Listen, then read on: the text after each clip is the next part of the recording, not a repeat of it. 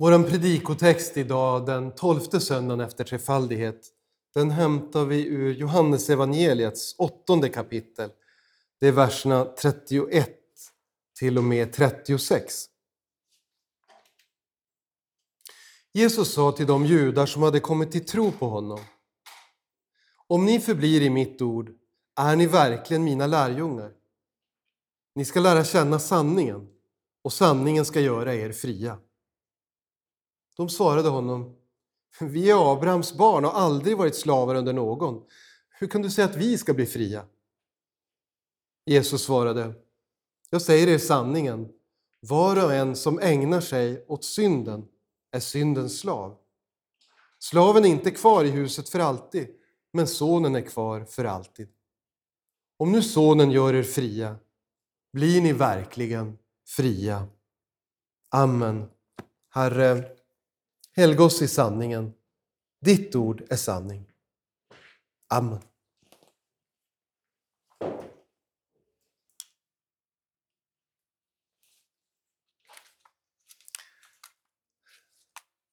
Där fick vi höra några av Jesu ord om frihet. Jag skulle vilja läsa några andra också. Ehm, de här fick svenska skolelever lära sig utan till, åtminstone fram till 60-talet. Någon kanske känner igen första raderna. Frihet är det bästa ting som sökas kan all världen kring. Den frihet rätt kan bära.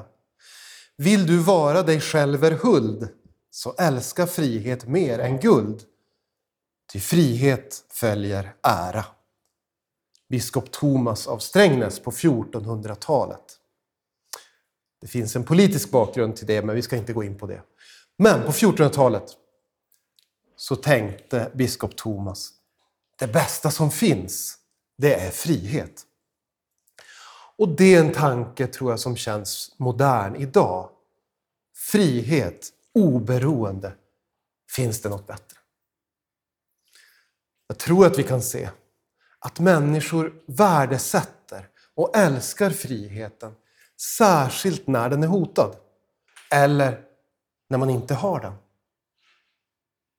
Det är lätt att ta friheten för given om man inte känner till något annat. Men frihet hörni, kan ibland vara lite jobbigt också. För en frigiven fånge som kommer ut utanför fängelsets murar för första gången på många år så är det fantastiskt att bli fri, men det, det kan kännas överväldigande. En del av er kanske har sett eh, Shawshank Redemption, en väldigt känd amerikansk film. Jag vet inte vad den heter på svenska. Men där får man lära känna en gammal fånge som har suttit på anstalt egentligen hela sitt liv. Och så när han är 70-80 kanske, så blir han frigiven. Han har ingen aning om hur han ska hantera det. Känns helt vilsen. Hur lever man här ute? I friheten. Sorgligt nog så begår han i filmen självmord.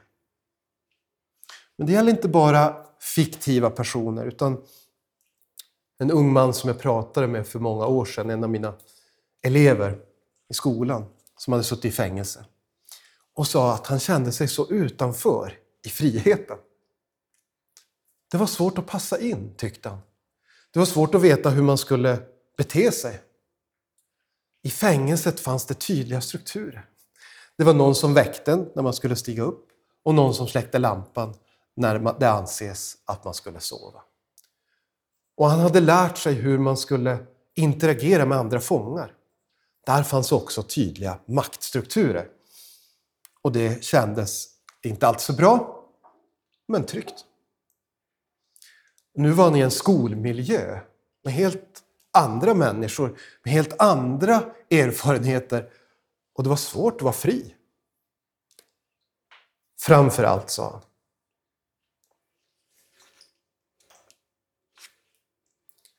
så är det svårt att inte falla tillbaks i det beteende som gjorde att jag hamnade i fängelset. Det är svårt när de gamla kompisarna ringer fredag kväll och vill ta droger och kanske utföra något rån. Det är svårt att säga nej, för det är en trygg gemenskap. Och när jag är med dem, då känner jag mig lugn. Och det finns en frihet i det också. När vi talar om Jesus, när vi talar om hans födelse, då talar vi ofta om att han är den bästa och största julklappen någon någonsin kan få. Han för med sig gåvor till oss. Han för med sig hopp. Han för med sig frid, glädje, förlåtelse och också frihet. Betyder den här friheten i Kristus att nu kan vi göra vad vi vill? Jag tror att om vi svarar på den frågan bara ja eller nej, då förenklar vi för mycket. Låt oss fundera lite grann på vad vi i så fall menar med göra vad vi vill. Kan jag göra vad jag vill som kristen? Jag tror att när vi ställer oss den frågan, då ska vi fundera på vem det är som frågar. Vilket jag är det som talar? Vad menar jag med jag? För när jag föddes, då föddes jag med en, en osynlig börda som har följt människorna ända sedan syndafallet. Jag föddes med en oförmåga att göra Guds vilja. En ovilja att lyssna till honom och en vilja att istället göra det som känns rätt för mig. Bara mig. Så om jag med det menar jag, kan jag göra vad jag vill? Då måste jag svara nej. Samtidigt så får vi höra Jesaja i kapitel 61 säga att Messias ska komma och han ska förkunna frihet för de fångna och befrielse för de bundna.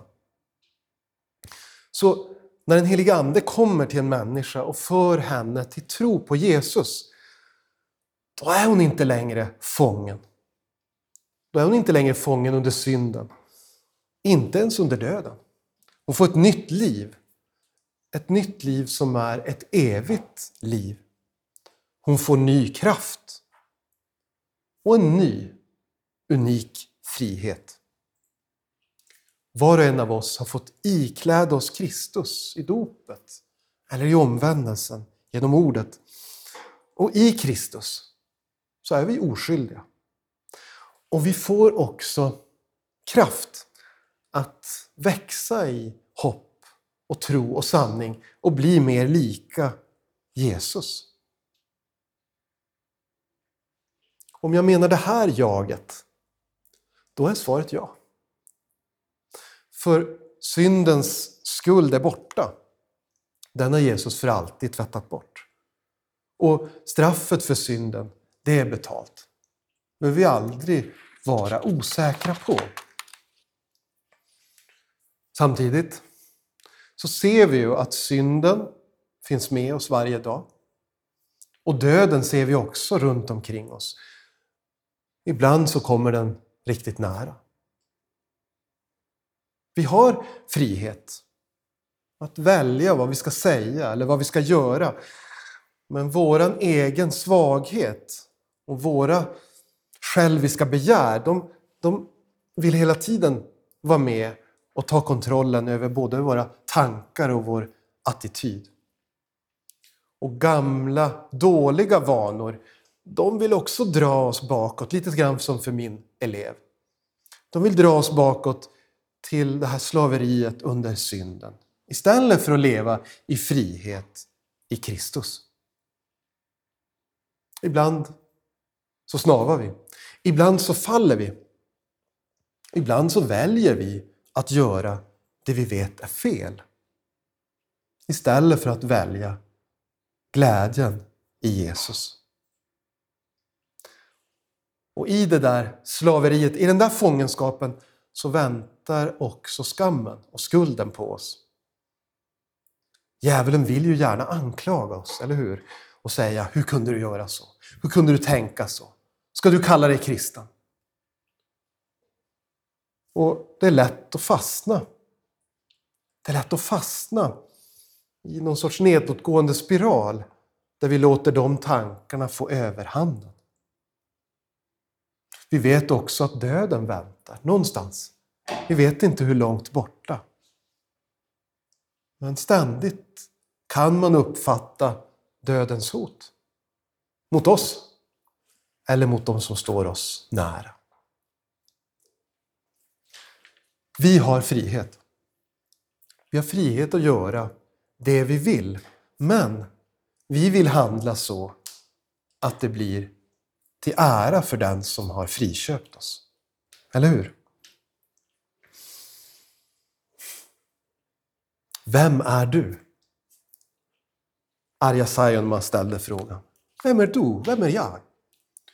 Och det är en bra fråga. Vi är väl båda de här personerna, eller hur? Vi är ju både den gamla människan som alltid vill göra uppror mot Herren. Och den nya människan som alltid vill tjäna Herren. Det är lite märkligt, men sant.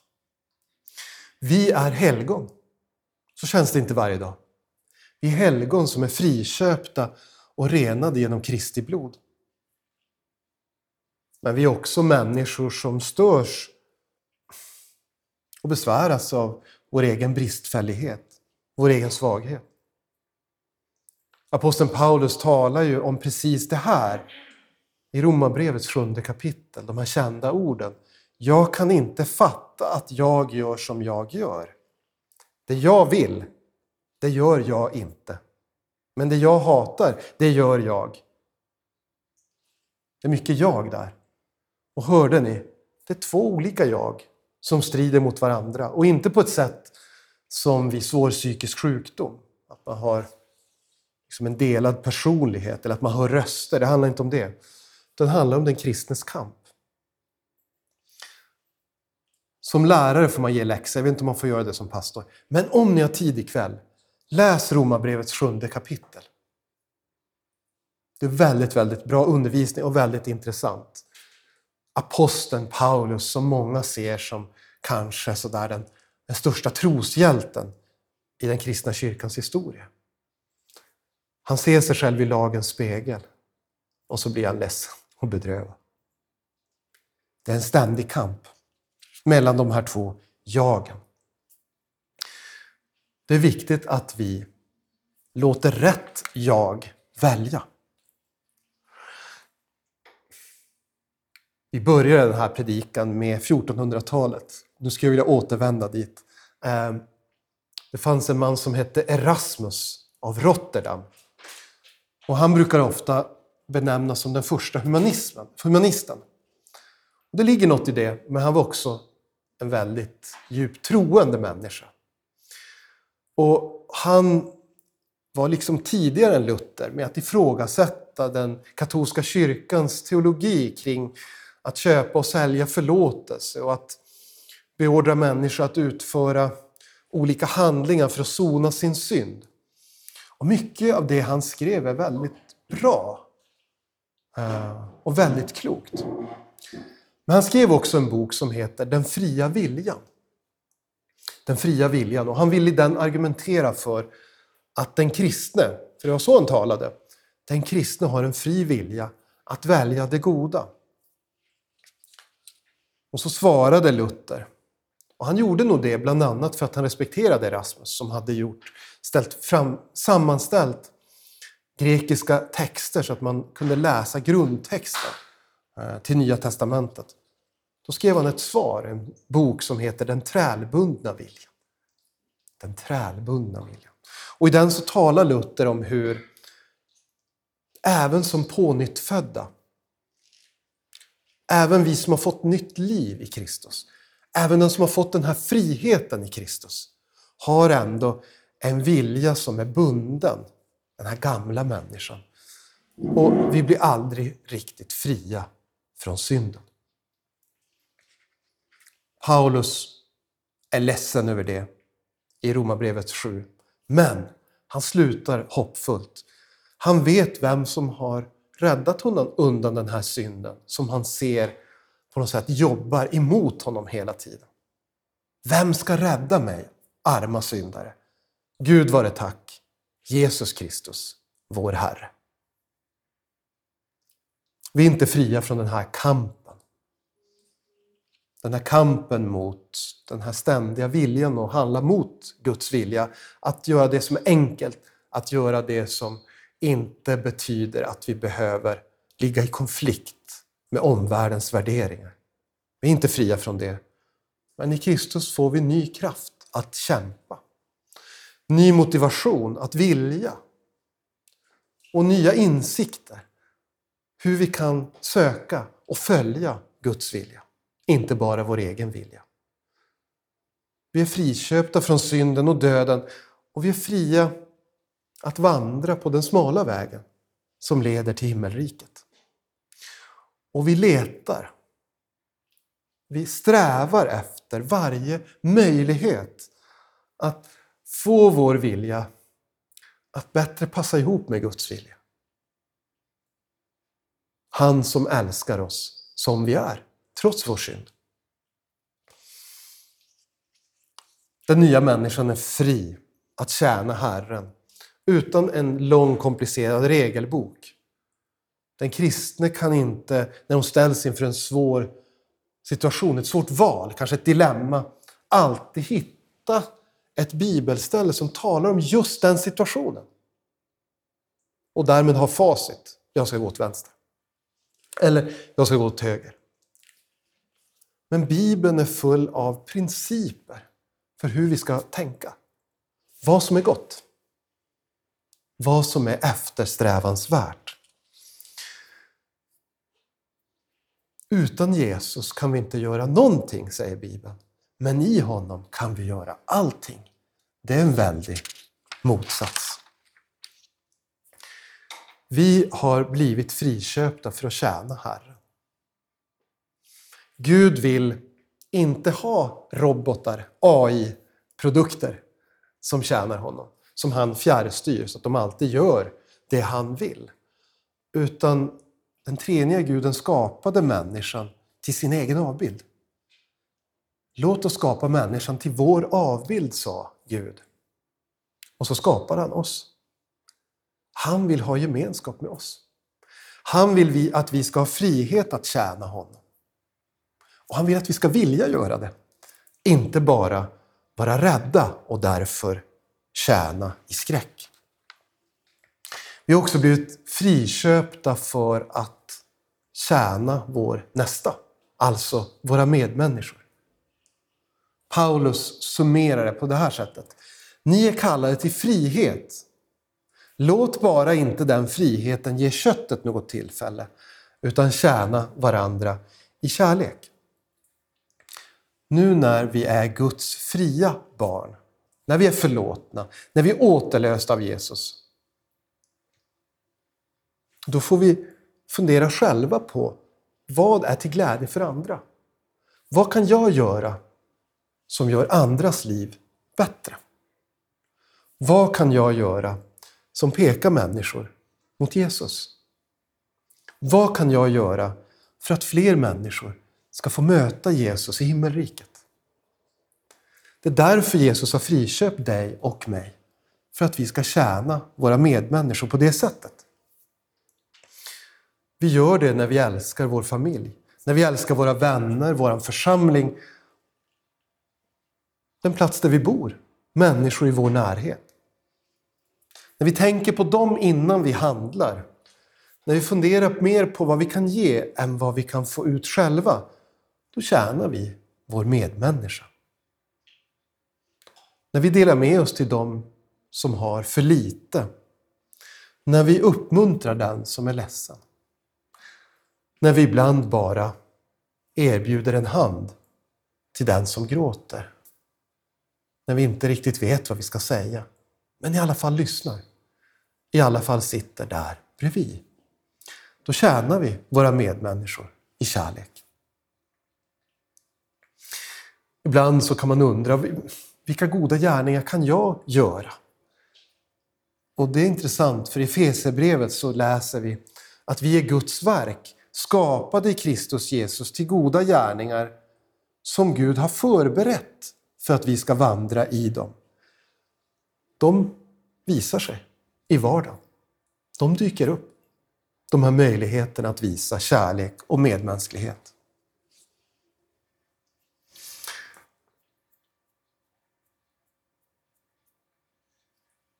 Men vi kan också fundera på ytterligare en sak när det gäller den kristna friheten. Hur ska jag veta vad som är rätt då, när det inte finns tydliga regler för allt? Och när jag vet också att jag ständigt lockas och, och frestas av min gamla natur. Hur ska jag veta vad som är rätt? Vi uppmanas i Bibeln till naturligtvis att studera Guds ord. Så att vi lär oss mer. Så att vi har mer att hämta ifrån när vi ställs inför en svår situation. Att vi har mer att falla tillbaka på. Vi uppmuntras att dela våra bekymmer med andra. Ibland så är två klokare än en. Ibland dubbelt så klok. Ibland tre gånger så klok. Vi uppmuntras att be. Vi uppmuntras att be till Herren för vägledning. För att vi själva ska förstå om vi står inför ett svårt problem, där vi inte vet varken ut eller in. Be och ni ska få. När det gäller moral då? När det gäller vad man ska äta, hur mycket man får dricka när det gäller alkohol, vad man ska lägga sina pengar på, eh, vad man kan säga som kristen. Kan jag göra vad jag vill? I första Korintierbrevet 8 så, så undervisar Paulus om en väldigt bra biblisk princip. Han kallar det där för svaga bröder. En del av er känner till det här. Man hade en sån situation i Korint att det var en stor stad på den här tiden och många tempel, många avgudatempel där man offrade eh, till de grekiska gudarna. En del av er har fått lära er om, om dem i skolan. Athena kanske, Zeus, Apollon. Och så offrade man djur i templet varje dag. Massvis av kött. Vad ska vi göra av det här köttet? Ja, det man gjorde var att man sålde det på marknaden. Och då blev de som var nyomvända kristna lite osäkra. Kan vi, kan vi äta av det här köttet som säljs på marknaden? Vi vet ju att det kommer från avgudaoffer. Det används för att blidka en gud som inte finns. Hur ska jag göra med det här? Och så säger Paulus bland annat, ni behöver inte vara rädda för gudar som inte finns. Ingenting att vara orolig för. Apollon har ingen makt över er. Men han säger också att det finns de som tycker det här är svårt. Och de som, om de blir bjudna på en måltid och sen får höra att det där var kött som var offrat till avgudar, då får de starka samvetskval. De mår dåligt av det. Och ibland, säger Paulus, så kan det till och med göra att man lämnar tron. Så han uppmanar människorna, systrarna och bröderna i Korint, ta hänsyn till dem som är svaga, de som tror att det här är ett problem. Ta hänsyn till dem. Du är stark kanske, för dig är det inget problem. Men för någon annan så kan det vara farligt. Och det är en bra princip att tänka på när vi funderar på, kan vi göra vad vi vill? Kan vi säga vad vi vill? Hur påverkar det andra? Jag vet inte, men jag tror att de flesta här kan dricka alkohol. Kan dricka ett glas vin utan att känna att man måste dricka hela flaskan och knacka på hos grannen och fråga om de har mer. Men alla kan inte det. För några så räcker det med ett halvt glas för att en lång period av kamp mot ett beroende bara raseras. Fundera på vad som är bra för andra, säger Paulus. Gör inte det du har rätt att göra om det skadar någon annan. Och det är en bra princip. När vi funderar över hur vi ska handla, vad som är rätt att göra i den kristna friheten, då kommer vi att komma till en klok slutledning. Om vi tänker utifrån vårt nya jag. Om vi låter oss vägledas av Guds ord. Av den heliga Ande som bor inom oss. Då kommer vi inte att missbruka den kristna friheten. Men när vi gör det, för det kommer vi att göra, då får vi alltid återvända till Jesus. Och be honom om förlåtelse för att vi har missbrukat den frihet som han betalade så dyrt för. Vi får tjäna Gud i glädje, i frimodighet, utan rädsla för straff och vår medmänniska. Amen. Låt oss be.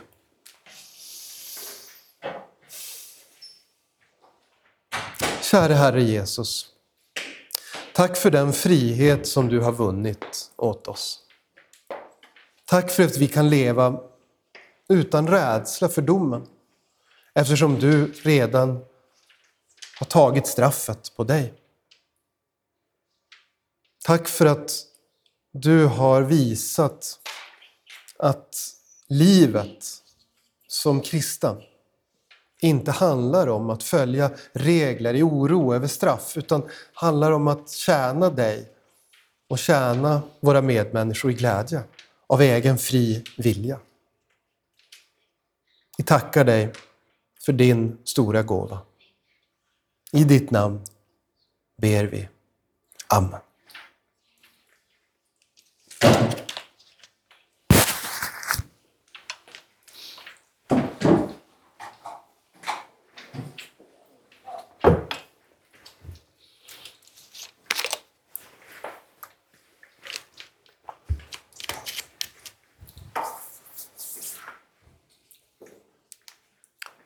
Då fortsätter vi med att sjunga Nummer 303. 303 i nya häftet.